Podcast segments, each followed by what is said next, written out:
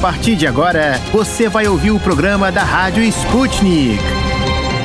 Olá, ouvintes. Eu sou a Tayana de Oliveira e estou junto com a Melina Saad para apresentarmos o programa de hoje da Rádio Sputnik. Vamos nessa, Thay, trazendo agora os destaques desta quinta-feira, 31 de março. O Superior Tribunal de Justiça decidiu que cabe à Justiça Federal julgar o recurso de uma antiga disputa entre a BR Distribuidora e o Grupo Forte, rede de revenda de combustíveis. O processo deve chegar a 8 bilhões de reais e envolve um suposto rompimento ilegal de contrato entre a BR Distribuidora distribuidora e o Grupo Forte. Em 1998, as empresas firmaram contratos relacionados à emissão de debêntures para reestruturar o Grupo Forte. A Petrobras, no entanto, não concordou com os pontos do plano e o contrato foi rescindido. No cenário político, a Polícia Federal concluiu que o presidente Jair Bolsonaro não cometeu crime nas supostas interferências realizadas por meio da nomeação e tentativas de mudança de cargos na PF. Além do mandatário, no relatório final com 99 páginas, páginas enviado ao Supremo Tribunal Federal, a PF também apontou que não é possível imputar crime ao ex-ministro da Justiça Sérgio Moro pelas acusações feitas a Bolsonaro durante o pronunciamento de demissão do cargo em abril de 2020, conforme divulgado pela revista Veja. Quando se demitiu do cargo, Moro disse que Bolsonaro tentou interferir em investigações da PF ao cobrar a troca do chefe da Polícia Federal no Rio de Janeiro e ao exonerar o então diretor da corporação, Maurício Valeixo, indicado pelo próprio próprio Moro. O relator da investigação é o ministro Alexandre de Moraes, que poderá encaminhar as conclusões da Polícia Federal para parecer da Procuradoria-Geral da República. No noticiário internacional, a Marinha da Ucrânia colocou 420 minas de âncora no Mar Negro e no Mar de Azov entre os dias 25 de fevereiro e 4 de março. A informação foi divulgada nesta quinta-feira pelo representante oficial do Ministério da Defesa russo, Igor Konashenkov. O major-general respondeu às acusações do presidente da Ucrânia, Vladimir Zelensky, de que a Rússia fez essa ação. Konashenkov explicou que, devido a uma tempestade no Mar Negro e ao mau estado técnico, cerca de 10 minas ucranianas tiveram os cabos de ancoragem quebrados. O representante oficial do Ministério da Defesa da Rússia acrescentou que uma mina foi recentemente neutralizada por marinheiros turcos e que outra foi desarmada em águas territoriais romenas. Na América do Norte, os Estados Unidos esperam que os prisioneiros de guerra russos sejam tratados de acordo com o direito internacional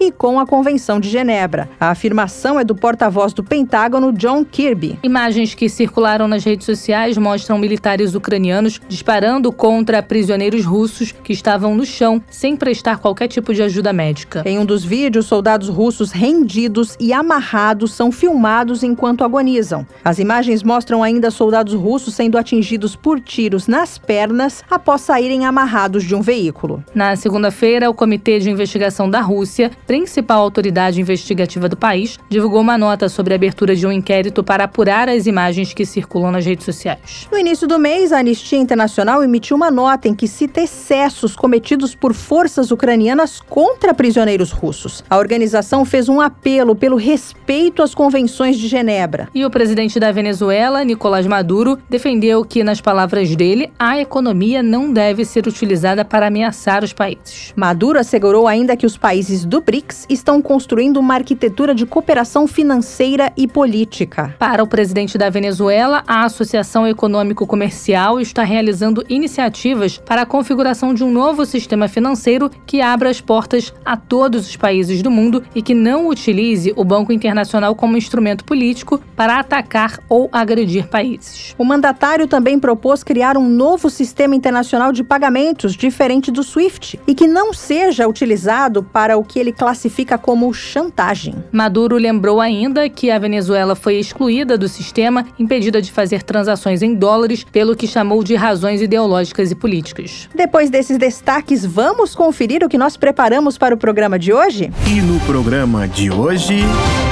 No Destrinchando a Charada Brasil, vamos trazer os dados da pesquisa Datafolha sobre a percepção dos brasileiros sobre a corrupção no país.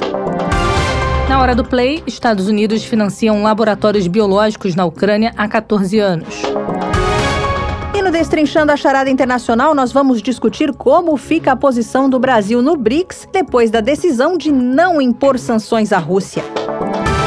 No Música Rara, vamos falar sobre o conjunto 23 peças características para piano solo do compositor Aquile Pique. Destrinchando a Charada. De dentro e fora do Brasil. Política, economia, sociedade e tudo que engloba o maior país da América Latina. As charadas mais complicadas do Brasil são destrinchadas aqui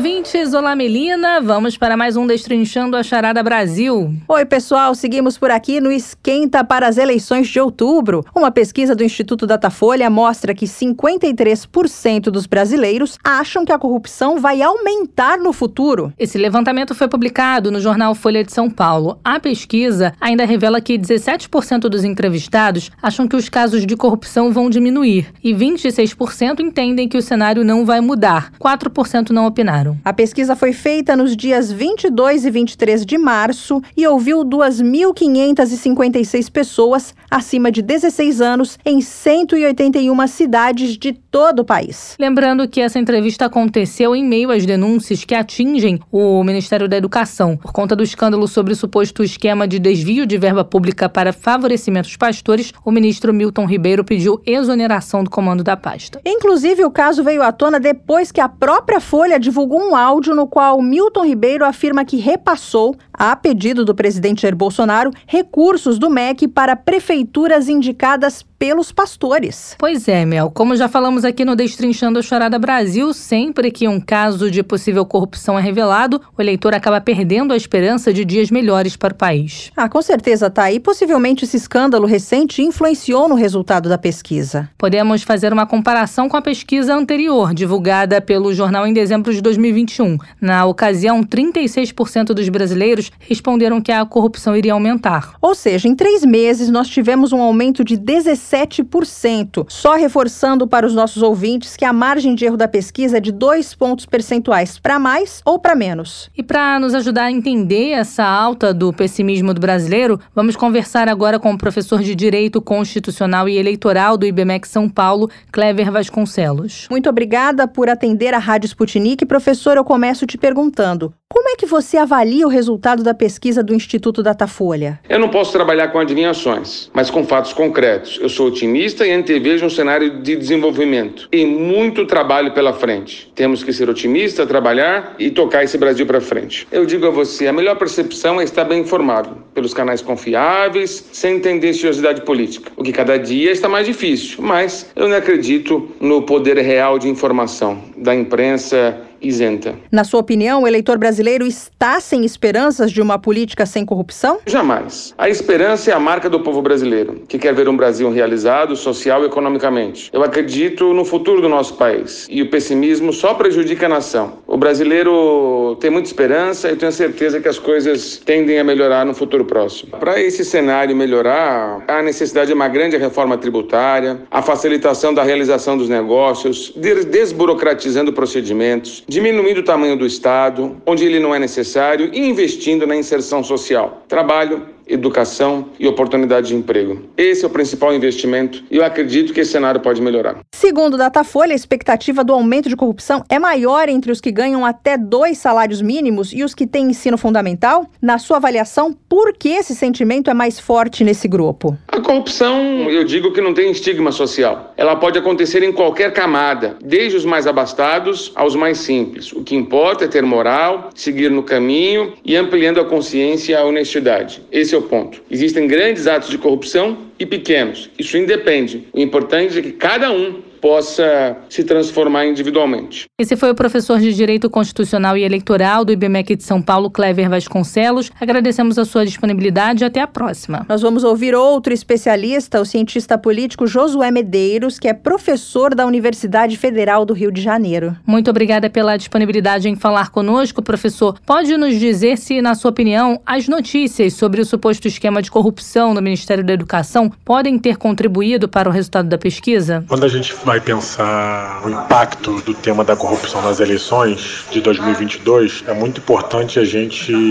observar as pesquisas e perceber que o problema da corrupção ele perdeu centralidade na preocupação do brasileiro. Em 2018, foi a primeira vez que isso aconteceu e talvez a única, a corrupção era o principal problema que as pessoas apontavam no país, acima da economia, acima da saúde, acima da educação e acima da violência. E de lá para cá, a corrupção corrupção passou para quarto, quinto problema, que é a sua posição histórica. Nossas eleições presidenciais são sempre marcadas por uma percepção em que a população, primeiro, acha que o problema é a economia, depois, caso a economia esteja bem, vai dizer que é saúde, educação, violência, e a corrupção vem sempre ali para baixo. Então, nesse sentido, o dado é importante, né, de que 53% dos brasileiros acham que a corrupção vai aumentar no futuro, mas isso não está organizando e orientando o voto das pessoas como estava em 2018. Então, nesse sentido, eu acho que o, ministério, o escândalo do Ministério da Corrupção ele vem como mais um e as pessoas tendem a dar pouca atenção porque estão mais preocupadas com o desemprego, com a fome, com o que vai ser da sua vida, se vai pagar as contas e por aí vai. Como é que o senhor acha que esse cenário pode melhorar? O cenário de uma melhoria né, na percepção de corrupção da nossa população, ela só vai melhorar com o fortalecimento da nossa democracia. Não é possível a gente passar por um processo como a gente passou, né, de crise das instituições, desde o impeachment de 2016, que a ciência política quase toda classifica como golpe, passado, passando pelo todo o processo de governo do Temer, que foi um governo sem legitimidade, culminando numa eleição que a antipolítica vence, que foi a eleição com Bolsonaro, e o modo como o Bolsonaro não, não governou. Não tem como esse processo todo de fragilidade da democracia gerar uma melhoria de percepção em nenhum, em nenhum uma área, muito menos na corrupção. No mundo todo, os estudos científicos, as experiências concretas mostram que a percepção de corrupção só melhora com o fortalecimento das instituições, da participação cidadã, do controle das pessoas sobre as instituições. Isso a gente não consegue ter nessa conjuntura de crise política, social e econômica que o Brasil vive. É preciso estabilizar a política, melhorar a economia, para que a gente possa produzir avanços concretos no combate à corrupção. Podemos concluir que o resultado da pesquisa mostra que o eleitor brasileiro está sem esperanças de uma política sem corrupção? Teria que fazer uma pesquisa específica, né, com uma série de perguntas, um questionário mais elaborado sobre esse tema. O que eu acho que dá para a gente cravar com as pesquisas atuais é que o eleitor brasileiro não está colocando esse tema no topo das suas preocupações e não vai orientar o seu voto prioritariamente por essa questão. Prioridade vai ser economia, prioridade vai ser saúde e por aí vai. Eu avalio esse resultado como um sintoma, né? um sintoma da crise das nossas instituições, um sintoma da crise da nossa política, é um sintoma da crise da nossa democracia e a necessidade de que a gente consiga reestruturar um pacto democrático em que o combate à corrupção não seja instrumentalizado por um dos lados como a Lava Jato fez. Acho que isso também tem que entrar na conta dessa percepção, né? O fato de que a Operação Lava Jato foi muito parcial, foi muito com muita sede ao pote para um dos lados da disputa política, não reproduziu esse comportamento e também o fato de que a Operação Lava Jato violou os direitos fundamentais. Né? Isso também é uma forma de corrupção, isso também produz uma deterioração institucional e um aumento de percepção de corrupção. Segundo o Datafolha, a expectativa do aumento de corrupção é maior entre os que ganham até dois salários mínimos e os que têm ensino fundamental, 59%. Na sua avaliação, por que esse sentimento é mais forte nesse grupo? Esse segmento é o segmento que mais sofre com a crise social, né, com a crise econômica. Os mais pobres, com menor instrução, quando os empregos começam a ser destruídos são essas pessoas que perdem o emprego primeiro, a inflação dos alimentos, a inflação da energia atinge essas pessoas de modo muito estruturante. Então essas pessoas tendem a ter uma revolta mesmo, né, contra a situação que está vivendo, e isso vai se refletir em perguntas como essa, de percepção de corrupção, de percepção de democracia, de avaliação das instituições. Provavelmente são essas pessoas que mais dizem que o, o trabalho do Congresso é mal feito, que o trabalho do Judiciário é mal feito. Provavelmente são essas pessoas que rejeitam a maioria dos partidos, fazer esse cruzamento aí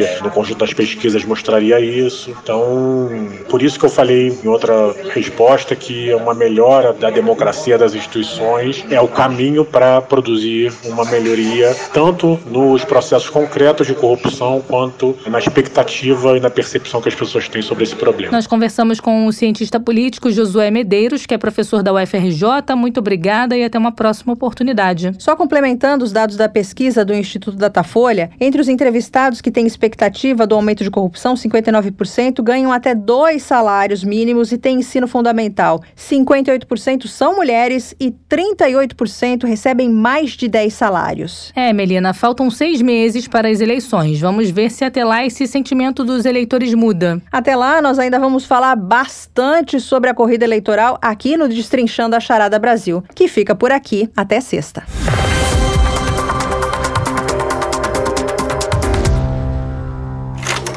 Do Play. Curtidas e mais curtidas da Rússia ao Brasil. Confira com a gente os vídeos da Sputnik Brasil que estão bombando na internet. E fique por dentro do que está sendo filmado por amadores e profissionais pelo mundo.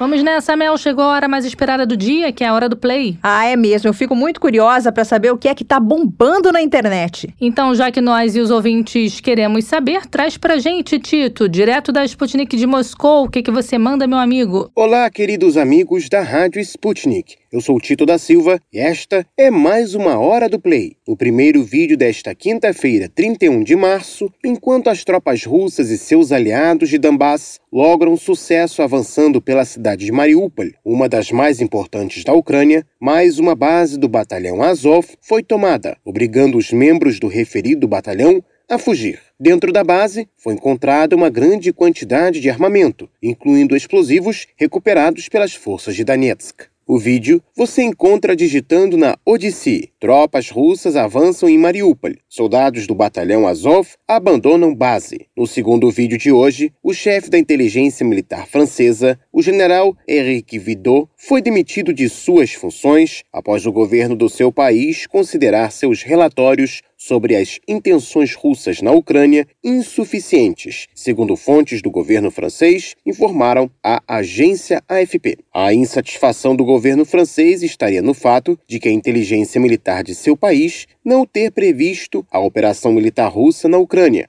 algo que inclusive foi confessado pelo Estado-Maior da França logo após o início da operação. Junto com a demissão de Vidot, era esperada a designação de um novo cargo para o general, o que ainda não aconteceu. O vídeo você encontra digitando na Odyssey. Chefe da inteligência militar francesa é demitido por causa da Ucrânia. No terceiro vídeo de hoje, o governo Biden vai anunciar, nesta quinta-feira 31, um plano para liberar cerca de um milhão de barris de petróleo por dia das reservas dos Estados Unidos ao longo de vários meses para combater o aumento dos preços da gasolina e a escassez de combustível devido à operação militar russa na Ucrânia, segundo a agência Bloomberg. A medida deverá ser adotada em meio a encarecimento e instabilidades nos preços de combustíveis, fatos que se agravaram depois da introdução de sanções contra o setor energético da Rússia, um dos maiores exportadores de petróleo e seus derivados no mundo. Para assistir ao vídeo, digite na Odyssey. Para reduzir preço, Estados Unidos liberam um milhão de barris de petróleo por dia de reservas.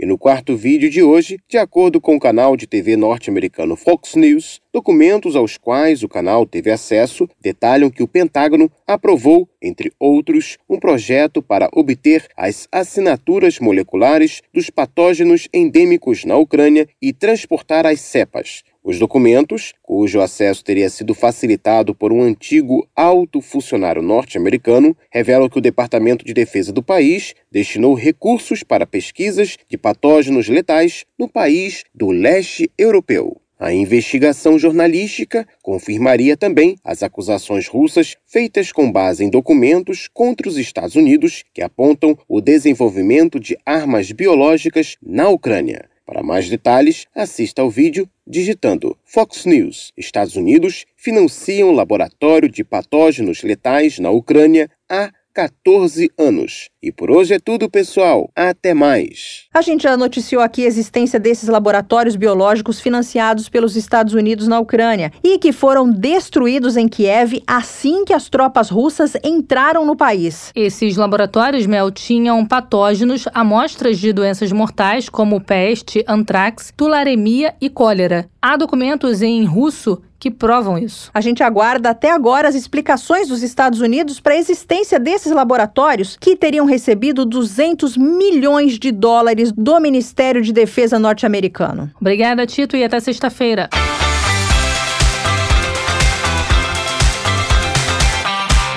Destrinchando a charada. Encruzilhada Internacional. Relações políticas, socioeconômicas e muito mais entre as nações deste mundão. Da Rússia aos Estados Unidos. Encontre com a gente as respostas às perguntas do momento. Olá, Mel e queridos ouvintes, vamos para mais um Destrinchando a Chorada Internacional. Vamos sim, com muito ânimo e vontade para falar de um dos assuntos que eu mais gosto e eu espero que os ouvintes também. Se você está falando do noticiário internacional e dos impactos do que acontece no mundo que interferem na nossa vida aqui no Brasil, então eu vou dizer que eu gosto também. É isso mesmo, mas eu só quero noticiar coisa boa aqui pra gente. Quem dera, Mel, nem tudo são flores, mas hoje, no Destrinchando a Chorada Internacional, a gente vai falar sobre o Brasil no BRICS. O BRICS BRICS, como nossos ouvintes sabem, é um bloco de países que inclui Brasil, Rússia, Índia, China e África do Sul e que se uniu para se ajudar mutuamente. Grosso modo, é isso mesmo. O BRICS tem inclusive um banco que financia projetos de infraestrutura. A decisão de ter um banco para o bloco foi tomada em 2013 durante uma cúpula que aconteceu na África do Sul. Já no ano seguinte, foi assinado aqui no Brasil, em Fortaleza, o acordo de criação da entidade. Mas o trabalho oficialmente começou no dia 7 de julho de 2015, quando houve a sessão inaugural do Conselho de Diretores em Moscou Moscou. Como você já falou, Mel, a principal tarefa do banco é financiar projetos de infraestrutura e de desenvolvimento sustentável dos Estados-membros do BRICS e de outros países emergentes. Devido à crise na Ucrânia e por conta das fortes sanções lançadas por países do Ocidente contra a Rússia, o Banco do BRICS suspendeu a aprovação de novos projetos e desembolso para planejamentos antigos para a Rússia. O que a gente quer saber mesmo, Mel, é se essa movimentação pode impactar o Brasil. E tem mais, será que a atitude do Brasil de não aderir à aliança comercial contra a Rússia pode fortalecer o país junto ao BRICS? Mel vale lembrar que Rússia e Brasil são países parceiros há anos, numa parceria que foi fortalecida no BRICS. Em outras oportunidades, a gente já trouxe aqui no Destrinchando que nós dependemos dos fertilizantes da Rússia, ao passo que a Rússia também importa pescado do Brasil. Em fevereiro, o presidente Jair Bolsonaro esteve na Rússia com Vladimir Putin para estreitar relações. Sim, já falamos exaustivamente novamente sobre isso. Repetimos apenas para refrescar a memória do nosso ouvinte. O que eu quero mesmo saber é o tema do programa de hoje e também se o Brasil pode ter mais opções de financiamento junto ao Banco BRICS por ter se posicionado de forma semelhante aos outros países do bloco que não impuseram sanções contra Moscou. Falando um pouco sobre os últimos investimentos do novo Banco de Desenvolvimento do BRICS, a instituição aprovou dois projetos na América Latina no valor total de 140 milhões de dólares, cerca de 686 milhões de reais recentemente. Desse valor, 50 milhões de dólares ou 254 milhões de reais vão para o Fundo Financeiro de Desenvolvimento da Bacia do Prata, o FONPLATA. O dinheiro será encaminhado para municípios grandes e médios e estados do Brasil para financiar projetos multissetoriais destinados a melhorar a infraestrutura de água e saneamento, habitação social, transportes, turismo e infraestrutura urbana. Além disso, o empréstimo de 90 milhões de dólares ou 440 milhões de reais será concedido ao estado de São Paulo para o desenvolvimento da infraestrutura, energia verde e irrigação, entre outros. Para saber como fica a questão do Brasil no BRICS, a gente chama o professor de Política Internacional da UERJ, Paulo Velasco. Professor Paulo, seja bem-vindo a esse nosso bate-papo aqui na Rádio Sputnik. Vamos mandar a pergunta na lata. O posicionamento do Brasil de não impor sanções contra a Rússia reforça os laços entre os países membros do BRICS? Bom, a decisão de não impor sanções, né, na verdade, converge muito com a própria tradição brasileira, do ponto de vista diplomático, do ponto de vista da atuação no plano internacional. Né? O Brasil, eh, por definição e tradição, avesso às sanções econômicas, especialmente por entender que elas muito pouco ajudam né, na busca por uma solução e por uma paz negociada. A percepção brasileira é de que as sanções, inclusive, elas acabam atingindo e afetando a própria sociedade né, do país alvo das medidas, sem de fato impactar né, aqueles que estão liderando né, uma iniciativa militar ou é, patrocinando uma agressão. Né? Então, o entendimento é de que penalizar a sociedade, a população civil, que muitas vezes não está de acordo com as ações tomadas pelo seu governante, pelo seu líder, não é algo razoável. Né? E, além do mais, enfim, o entendimento é de que a pressão excessiva sobre um Estado tende a isolá-lo de maneira crescente e quanto mais isolado o Estado tiver, né, muito possivelmente menor será a sua inclinação para aceitar uma solução negociada, uma mediação, ou enfim, qualquer tipo de, de entendimento conjunto e coordenado em favor da paz. Então, O Brasil é tradicionalmente avesso sanções, inclusive em outros temas. Né? No Conselho de Direitos Humanos da ONU em Genebra, o Brasil também, via de regra, se opõe à aplicação de sanções contra estados que estejam violando os direitos humanos, por entender que o melhor caminho é tentar entrar em diálogo com aquele estado e não isolá-lo por meio de sanções que tendem a penalizar ainda mais a própria sociedade. Né? Então, a mesma lógica se aplica é, ao caso da Rússia aí. Mas acaba, sim, denotando e apontando para uma postura coordenada entre os países BRICS. É, lembrando né, que já em 2014, né, quando da anexação da Crimeia pela Rússia, ali os países BRICS também se opuseram né, a qualquer tipo de medida mais dura, de qualquer sanção contra a Rússia, e não embarcaram nas sanções aplicadas internacionalmente por vários países. E agora a postura é idêntica, é a mesma, então, sim, revela uma afinidade de coordenação entre eles, embora né, nas votações no Conselho de Segurança e na própria Assembleia Geral tenha havido diferenças. Enquanto China, Índia e África do Sul se abstiveram nas votações, o Brasil acabou votando a favor, né, fazendo uma de ressalvas, é verdade, questionando em parte o teor das resoluções, mas votou a favor. Agora sempre demonstrando as suas críticas às sanções e a essas práticas que vêm sendo adotadas no sentido de isolar crescentemente a Rússia na cena internacional. Qual é o indicativo político do posicionamento de Brasil, China, Índia e África do Sul? O indicativo político dos países BRICS, né, Brasil, da China, da Índia e da África do Sul, é justamente de que eh, eles não se submetem ou não convergem ou não concordam né, com a dinâmica imposta internacionalmente pelos países ocidentais, pelos países ditos ocidentais. A leitura que os países BRICS fazem da própria guerra ou da situação é uma leitura diferente. É, pode até haver pontos coincidentes, né? O Brasil, reitero, né, chegou a votar a favor das resoluções tanto no Conselho de Segurança quanto na Assembleia Geral, mas não deixou de demonstrar sua discordância em vários pontos por apontar para uma falta de equilíbrio no tratamento do tema, né, por parte das resoluções e por uma politização do tema, quando melhor teria sido manter uma postura de maior equilíbrio e distanciamento em relação ali ao próprio conflito, né, sem é, claramente tomar partido de nenhum dos dois lados. Né. O Brasil até se permite né, condenar a agressão, mas entende que tem que haver um equilíbrio é, na, na, busca ou na contribuição por uma solução negociada. Né? Então, de alguma maneira, o recado desse posicionamento dos países BRICS é um recado no sentido de uma autonomia e é, da defesa dos seus próprios interesses e visões de mundo em uma realidade internacional que é, se mostra mais multipolar. Então, parece natural que os países do sul global, né, sobretudo as grandes potências emergentes que compõem o BRICS, é natural que elas decidam não se submeter né, às imposições do Ocidente, dos Estados Unidos, dos países europeus, da OTAN ou de quem quer que seja. É natural que eles busquem seguir um caminho próprio, dentro de uma lógica de autonomia que é, lhes permita maximizar e promover melhor os seus interesses e é, seguir seus próprios caminhos para busca de solução para crises como a crise agora em curso na Ucrânia. Né? Então, acho que denota assim uma mudança é, bastante clara no cenário internacional, em que os países do sul global podem, sem qualquer constrangimento, seguir caminhos próprios, é, sem se submeterem às imposições diretrizes do norte. Né? E acaba apontando também para uma maior unidade entre eles. Claro, sempre salvaguardadas as diferenças né, que existem, né? inclusive quando pensamos aí na guerra na Ucrânia, mas parece muito evidente que são atores que se coordenam em muitos temas e muitas vezes, inclusive, divergindo do norte global. Então, é um, é um recado e um posicionamento é, importante que desnuda essa realidade internacional cambiante, em transformação, né, em que já não temos mais o norte dando as cartas sozinho, mas o norte tem que lidar e tem que negociar com o sul global que já, pelo menos nos últimos 20 anos, vem falando de maneira mais assertiva. Isso pode se desdobrar para as relações comerciais? O BRICS não é um projeto comercial, é um projeto de concertação política, que, claro, acaba tendo desdobramentos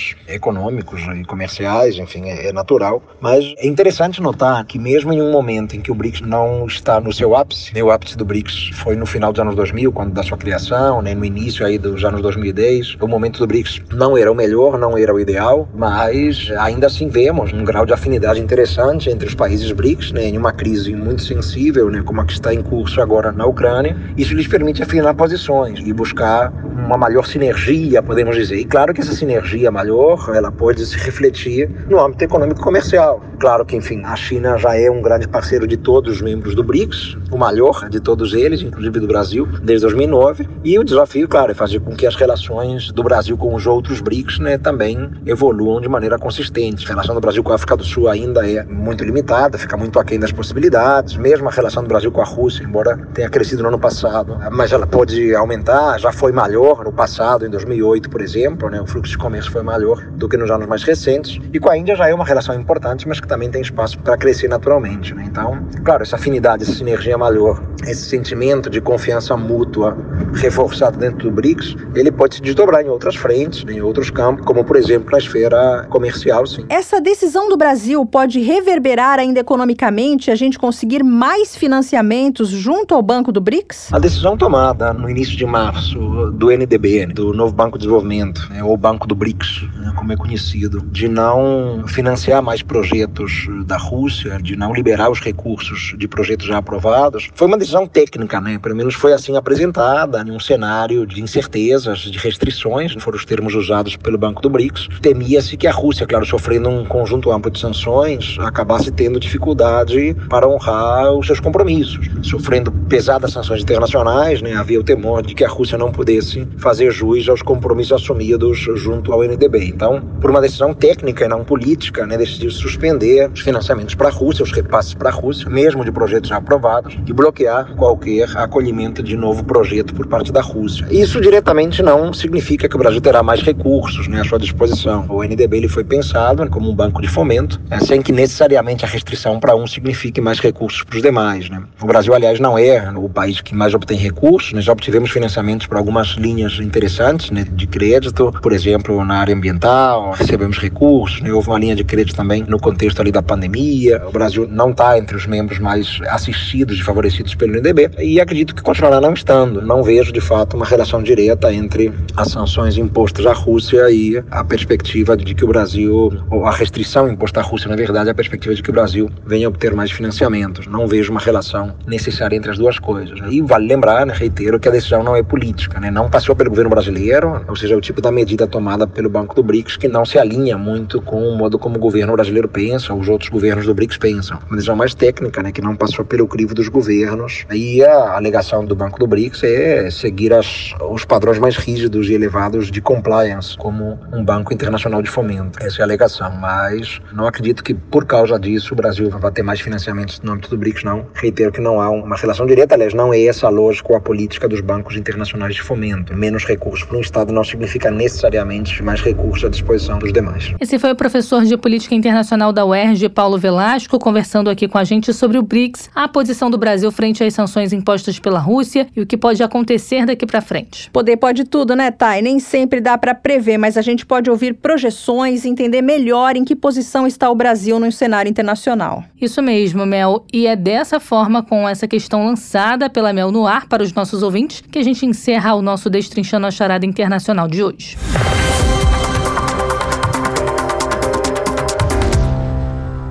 Mistura do Brasil com Moscou.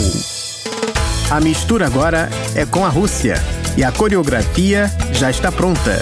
Com os gingados russos e brasileiros, as relações estão em sintonia entre estes dois gigantes. Em parceria com o projeto Música Rara Brasileira, a Rádio Sputnik tem o prazer de falar do conjunto 23 peças características para piano solo do compositor Aquile Pique. A interpretação é de Iraceli Vera Livero, pianista e professora da Universidade Estadual Paulista. 23 peças características são partituras pensadas para auxiliar no aprendizado para jovens estudantes de piano. E para conhecermos mais sobre essa obra e seu compositor, convidamos a pianista Iraceli Vera Livero. Olá, professora Iraceli, seja bem-vinda à Rádio Sputnik. Para começar, o que a senhora poderia nos contar sobre a trajetória de Aquile Pique? O compositor Aquile Pique, ele começou a compor muito cedo, ainda quando ele estava no Conservatório Dramático de São Paulo, com 16 anos de idade. Isso quer dizer que este ano ele completa 54 anos ininterruptos de composição. Mas também ele teve uma carreira de pianista solista e grande camerista muito intensa, tanto no Brasil como em muitos países do exterior, e que se mantém até hoje. Ele estudou regência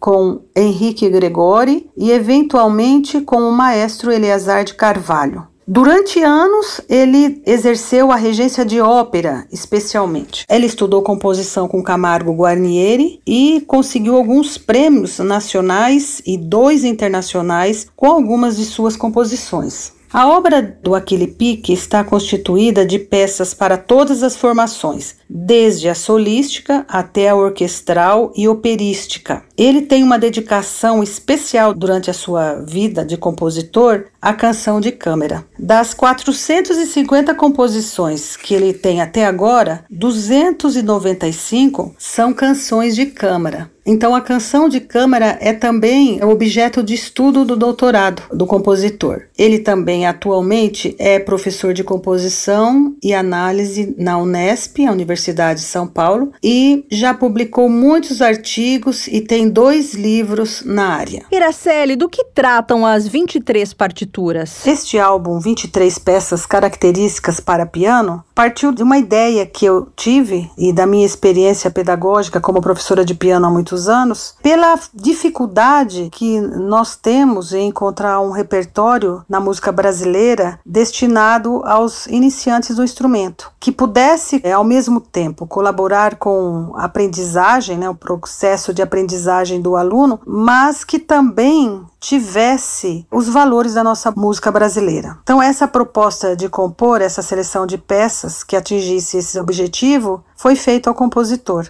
aquele pique. E ele, sendo um grande incentivador da música brasileira, aceitou esse desafio. Então, o projeto começou com a primeira suíte do álbum, que eu fiz o pedido para que eu pudesse dar para um, um determinado aluno, e dessa experiência veio, que foi muito bem sucedida por sinal, veio a ideia de compor outras peças. E eu fui dirigindo cada uma delas para que não ultrapassasse o limite da técnica que o aluno estava naquele momento. Então, eu acredito que tenha sido bastante difícil para o compositor, além de ter a ideia de compor, né, mas tinha a minha, a minha objeção quanto a peça era muito difícil, abrangesse alguma dificuldade que o aluno tinha, por exemplo, e que não seria possível. Então, eu fui direcionando o nível de composição de cada obra.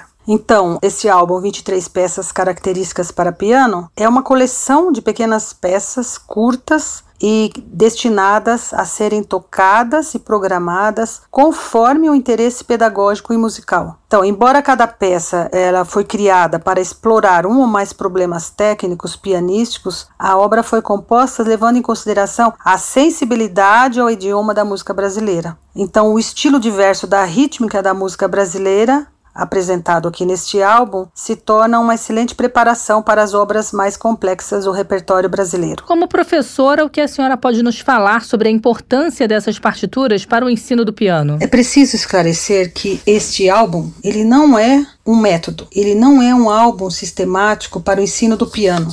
Ele é uma alternativa de repertório de um compositor brasileiro contemporâneo para as diversas fases do aprendizado do aluno. Um fator importante é que parte desse repertório consagra a música tradicional brasileira, em grande parte sendo esquecida e desconhecida dos pianistas mais jovens. Outra parte destaca peças de caráter com uma linguagem da música postonal, principalmente daquela do início do século XX. O compositor soube utilizar essa linguagem de uma maneira bastante criativa e interessante para que os professores é, comecem a utilizar no seu trabalho com seus alunos. Falando um pouco sobre a criação dessas obras, em que contexto elas foram elaboradas? Para o compositor Aquele Pique, essa experiência de compor obras didático-pedagógicas foi relativamente nova. Ao meu pedido, ele realizou essas peças de cunho pedagógico, mas principalmente que tivessem um íntimo relacionamento com a música brasileira. Eu acho uma grande contribuição para os jovens pianistas que estão começando ter uma opção a mais de um repertório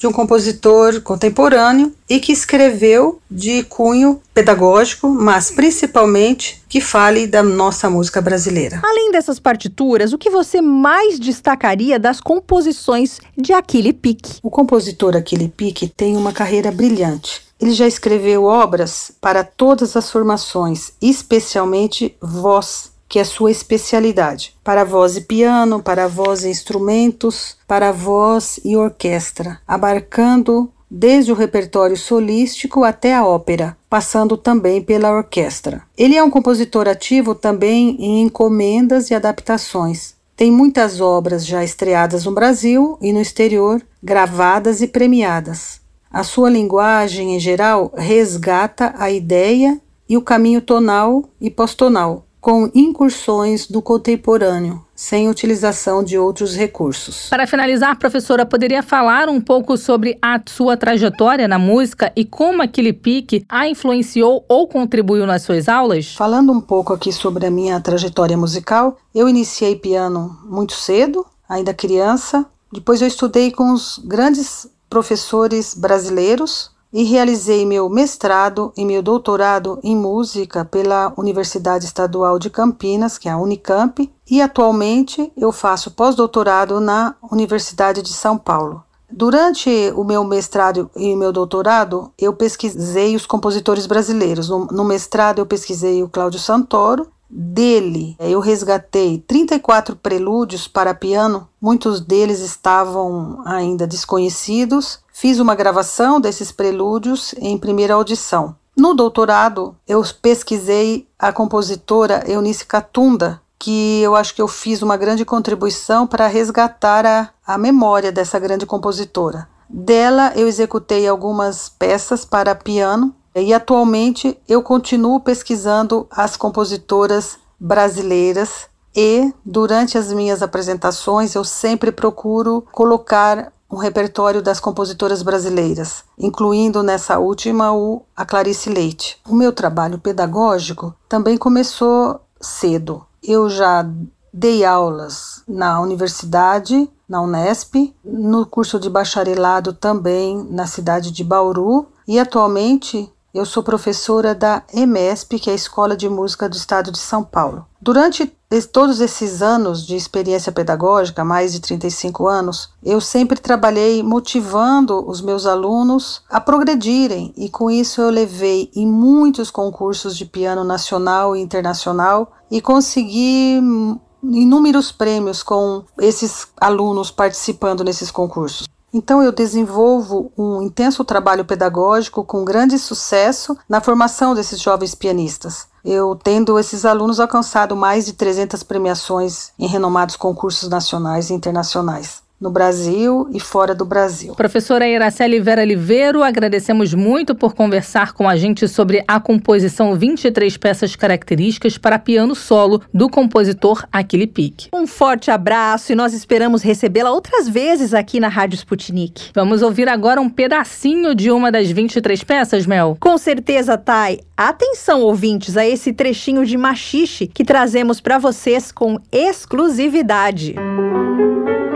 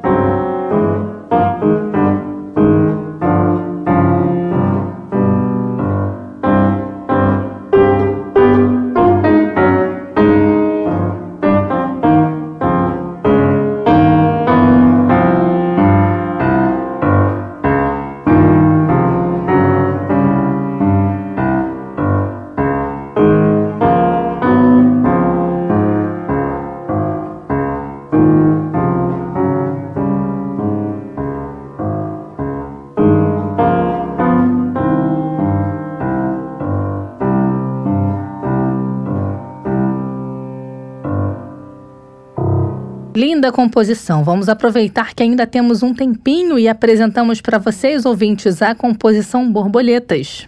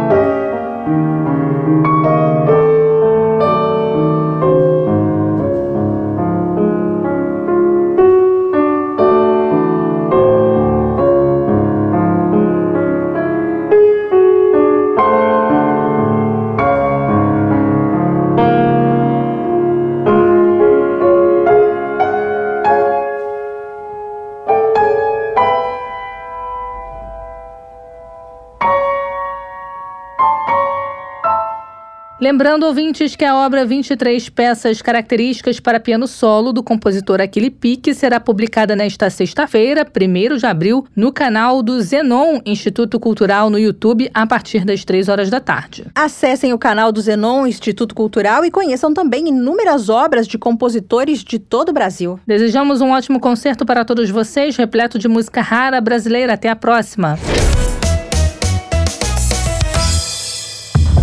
Sabia? Não? Agora vai saber! Num país gigante como o Brasil, sempre há mistérios ou peculiaridades históricas que merecem ser desvendados. Vem com a gente descobrir!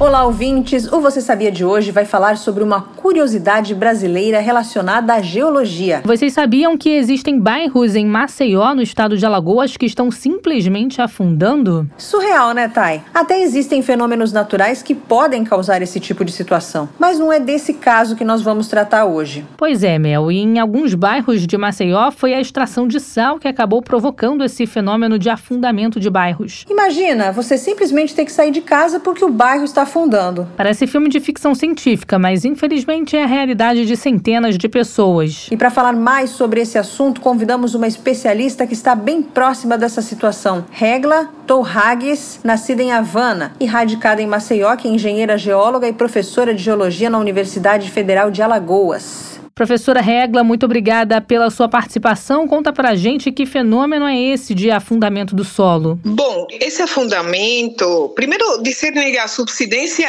eh, não é mais que o rebaixamento do solo, né? Então, por que que acontece subsidência? Porque há um rebaixamento da superfície, né? E esse rebaixamento pode acontecer por causas, nós dizemos que tectônicas, ou seja, pelo movimento das placas, separação em alguns locais, né? Onde você tem essa distensão de separação, claro que vai ficar um abaciamento. Então, esse afinamento da crosta pode levar a essa ruptura, ou simplesmente não, né? Esse abaciamento pode gerar a deposição de sedimentos, né? Que vão se é, acumulando e formam as chamadas rochas sedimentares. Então, do ponto de vista tectônico, pode acontecer a subsidência. E também por causas não tectônicas, que são, por exemplo, sedimentação, dissolução de rochas sedimentares, né? Rochas que são ossais, rochas sedimentares que contêm minerais como calcita, né? Rochas calcárias, de modo geral. Devido à infiltração da água da chuva, né? A chuva levemente ácida pode dissolver esses minerais que têm baixíssima solubilidade, né? Esse baixa, baixa capacidade para serem dissolvidos, ou seja, se dissolvem com muita facilidade, né? Que são calcários, de modo geral. E no caso específico de Maceió, o que está passando nesses bairros que estão afundando? No caso de Maceió, justamente eu falei de causas tectônicas. Aqui no caso de Maceió, embora seja um processo, digamos, de falhamento, né, a associação de uma falha, mas a causa não é tectônica. Por quê? Porque no caso de Maceió não é também dissolução. Aqui no caso de Maceió é o processo de mineração. Existe sim um processo tectônico, ou seja, falhas geológicas, profundidade, Porém, essa falha geológica ela foi reativada por processo de mineração, especificamente extração de sal. Aqui nós temos uma empresa há mais de 40 anos, que é a Braskem, que extrai sal, né, essa algema do subsolo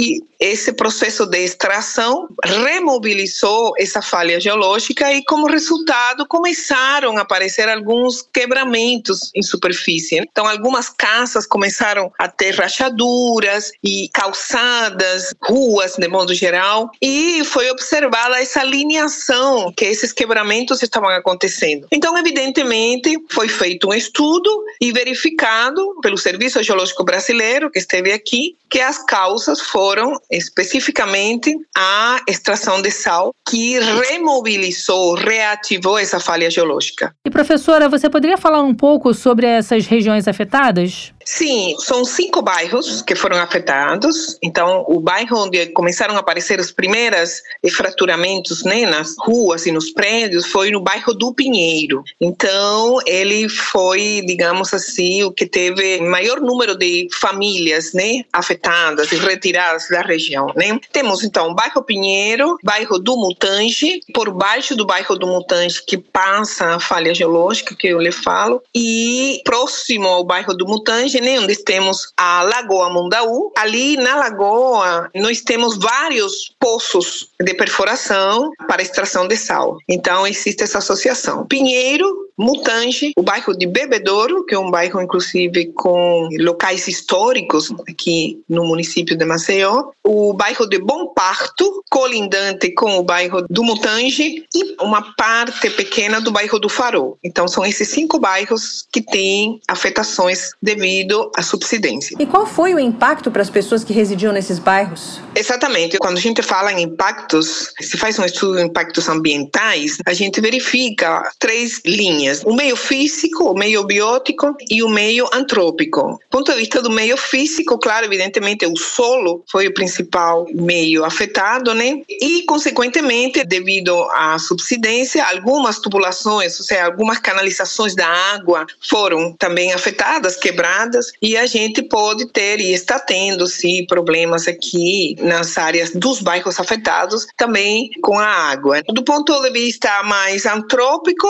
é claro, a microbiota do solo, temos processos erosivos acelerados devido a esse processo de subsidência, deslizamentos que já aí também são vinculados a questões climáticas e do meio antrópico eu diria que é o mais afetado porque nós temos mais de 50 mil pessoas. Eu diria que são mais de 50 mil hoje já né contabilizadas que tiveram que sair da região devido ao processo de subsidência né. Os últimos registros já falam de 57 mil pessoas que tiveram que sair da região. E os empreendimentos também, como um impacto no meio antrópico, nós temos os comerciantes e os empreendedores que tinham suas lojas, empreendimentos nesses bairros. São mais de 4.500 empreendedores que tinham seus empreendimentos nessas áreas afetadas e que hoje se encontram, ou já saíram ou estão em fase de negociação junto à Braskem. A pergunta que não quer calar: isso poderia ter sido evitado? Sim, poderia. E quando você tem uma mineração, seja qual for, ambiente superficial ou subterrâneo, aqui no caso são poços, você existe todo um marco legislativo que faz o acompanhamento da mineração. De fato, as licenças ambientais, elas são periodicamente atualizadas, né? E de acordo com essa aprovação, a mineração continua ou não. Não sabemos o que, que aconteceu, que ao longo desses anos, o que, que aconteceu com essas autorizações do ponto de vista ambiental, porque esses fraturamentos já vinham há vários anos. Então, era para já ter se tomado alguma medida para evitar a continuação desses problemas que geraram a subsidência. Há notícias de casos semelhantes em outros lugares do Brasil? É impressionante, não é, ouvintes? Pois é, Mel, vamos torcer para que a situação melhore. O nosso Você Sabia de hoje fica por aqui. Até a próxima.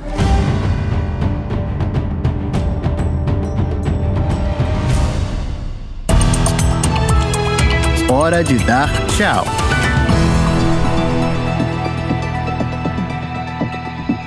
Chegamos ao fim do programa desta quinta-feira, 31 de março. E eu tenho certeza que os nossos ouvintes vão continuar ligados em toda a nossa programação. Para isso, basta dar uma passadinha no site da Sputnik Brasil, br.sputniknews.com, para conferir as notícias do momento. Lembrando que temos também nosso canal da Sputnik Brasil no ODC. Não dá para perder, né? Lá os nossos ouvintes encontram os vídeos dos assuntos mais importantes do momento, tanto no Brasil como no resto do mundo. Fiquem ligados também nas informações sempre atualizadas no Twitter e Telegram da Sputnik Brasil. Boa quinta-feira, gente! Até amanhã, pessoal!